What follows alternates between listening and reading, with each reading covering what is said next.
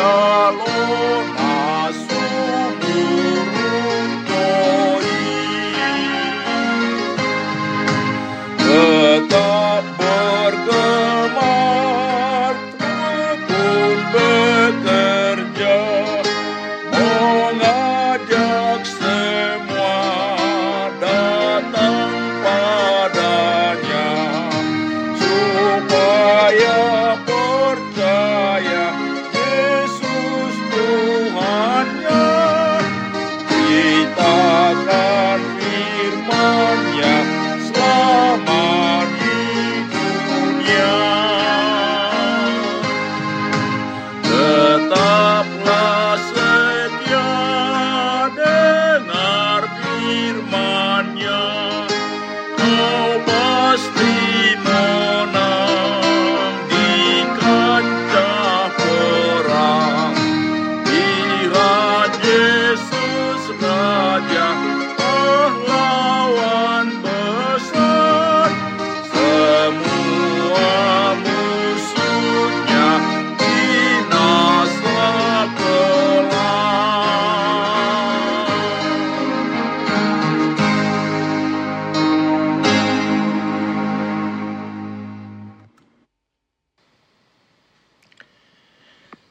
Saudara yang dikasihi Tuhan Yesus Kristus, sebelum meneri- menerima firman Tuhan, mari kita berdoa.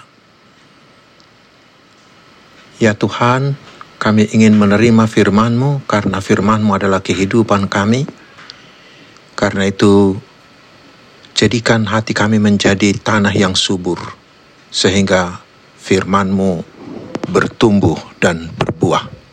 Damai sejahtera Allah yang melampaui segala akal, kiranya mengawal hati saudara-saudara sekalian di dalam Kristus Yesus Tuhan kita. Amin. Saudaraku, firman Tuhan yang ditetapkan untuk minggu ke-9 sesudah Trinitatis hari ini adalah dari surat E- Paulus ke jemaat Efesus pasal yang keempat ayat yang pertama hingga ayat yang ketujuh. Sebab itu aku menasihatkan kamu, aku orang yang dipenjarakan karena Tuhan, supaya hidupmu sebagai orang-orang yang telah dipanggil berpadanan dengan panggilan itu. Hendaklah kamu selalu rendah hati, lemah lembut, dan sabar. Tunjukkanlah kasihmu dalam hal saling membantu. Dan berusahalah memelihara kesatuan roh oleh ikatan damai sejahtera. Satu tubuh dan satu roh. Sebagaimana kamu telah dipanggil kepada satu pengharapan yang terkandung dalam panggilanmu satu Tuhan, satu iman, satu baptisan, satu Allah dan Bapa dari semua, Allah yang di atas semua dan oleh semua dan di dalam semua. Tetapi kepada kita masing-masing telah dianugerahkan kasih karunia menurut ukuran pemberian Kristus. Demikian firman Tuhan. Saudaraku, Pernahkah kita mengagumi betapa hebatnya komunitas orang Kristen? Itulah yang dikagumi Paulus di suratnya ke jemaat Efesus ini. Dia memuji kasih karunia Allah yang telah mendirikan gerejanya sebagai kesatuan dari semua orang, semua bangsa, suku, dan ras. Paulus mengatakan, perpecahan dapat dipersatukan kembali hanya jika segala sesuatu dipersekutukan di dalam Kristus Yesus di ayat 4. Karena Kristus adalah kepenuhan segala sesuatu. Itulah ajakan firman hari ini, agar kita mau menjadi alat Kristus untuk membangun kesatuan antara kita dengan kita dan antara kita dengan segala makhluk dan ciptaan. Dan itulah tugas gereja, yaitu mengadakan perdamaian dunia secara menyeluruh. Saudaraku, dasar kesatuan Kristen seperti disebutkan di ayat 3 hingga ayat 6 adalah satu tubuh di mana Kristus adalah kepala dan gereja adalah tubuhnya. Satu roh, yaitu roh yang mempersekutukan gereja mulai dari hari turunnya roh kudus. Satu iman, yaitu iman kepada Yesus Kristus Sang Juru Selamat dunia. Iman itulah yang mengikat dan mempersekutukan kita sebagai anak Allah.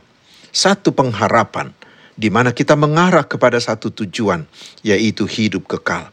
Pengharapan akan hidup kekal inilah yang mempersekutukan kita sebagai hasil dari iman kita kepada Kristus. Satu Tuhan, yaitu Kristus yang adalah Kurios, Tuhan Raja. Dialah Raja kita dan kita adalah hamba serta miliknya. Satu baptisan. Baptisan itu membuat kita menjadi warga negara kerajaan Allah. Dan satu Allah kita dipersatukan di dalam satu Allah yang Esa, yang di dalam Yesus Kristus mengangkat kita menjadi anak-anaknya. Saudaraku, agar kesatuan itu terbangun, resepnya dikatakan di ayat 2 hingga 3 yaitu selalu hidup berpadanan dengan panggilan kita, yaitu selalu rendah hati, lemah lembut dan sabar, serta selalu mengasihi dan saling membantu. Cara hidup seperti itulah yang akan membangun kesatuan sekaligus menjadi iklan penarik hati bagi orang lain untuk mengikut Kristus seperti yang terjadi pada gereja mula-mula itu. Amin, mari kita berdoa. Ya Tuhan, ikatlah kami dengan kasih-Mu sehingga kesatuan kami semakin kokoh oleh roh kudus-Mu. Tuhan memberkati engkau dan melindungi engkau. Tuhan menyinari engkau dengan wajahnya dan memberi engkau kasih karunia. Tuhan menghadapkan wajahnya kepadamu dan memberi engkau damai sejahtera. Amin. Tetap semangat saudaraku, tetap ikuti protokol kesehatan, tetap bersuka cita di dalam Tuhan. Selamat hari Minggu, Tuhan Yesus memberkati kita.